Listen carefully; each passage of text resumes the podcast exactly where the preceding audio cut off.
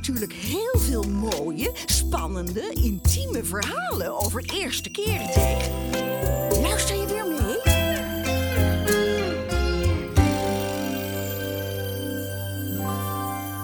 Ik was 16 toen ik voor het eerst ongesteld werd. Ik was ehm, op school. Ik ging nog even naar de wc. En toen zag ik wat een heel klein beetje bloed aan het papiertje. En toen, ik weet nog dat ik bijna gewoon mijn broek weer aan heb gedaan. Omdat ik dacht van nou, dat kan niet.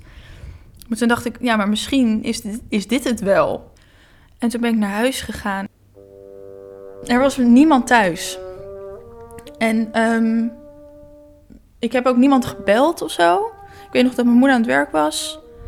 En ik dacht van, nou ja, ik, ik weet wat ik moet doen. Dus ik hoef ook niet echt iemand om hulp te vragen of zo. Want dan krijg je dat gedoe dat je dan over moet gaan praten of zo misschien. Dus ja, ik heb gedoucht en toen heb ik een maandverbandje ingedaan.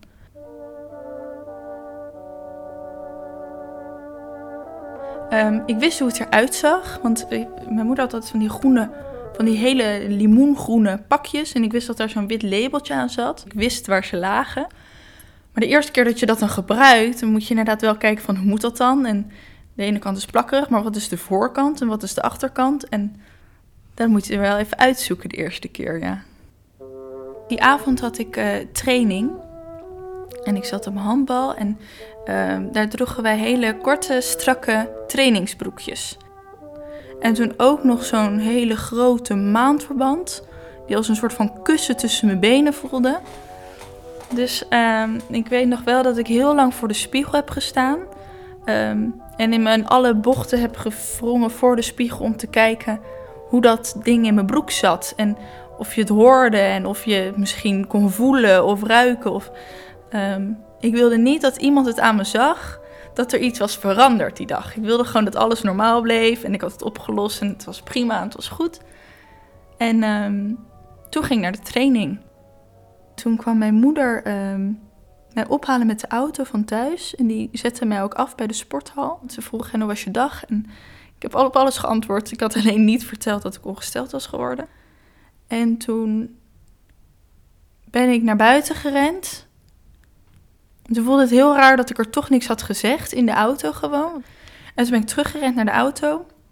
En toen klopte ik op het raampje. En toen zei ik, mam, ik ben ongesteld geworden. Toen keek ze me heel vragend aan.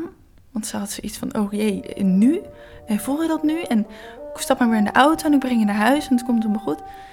En toen zei ik, nee, uh, vanmiddag op school al. Maar ik heb het al allemaal opgelost en ik heb maandverband in. Toen ben ik gewoon gaan trainen. Uiteindelijk was de training voorbij en had niemand er wat van gezegd. En ik voelde dat het nog goed zat in mijn broek. Dus het was gewoon goed gegaan. Het maandverband had gedaan wat hij moest doen. En ik had gewoon getraind, dus het was goed. Wil je meer verhalen horen? Kijk dan op de drcollyshow.nl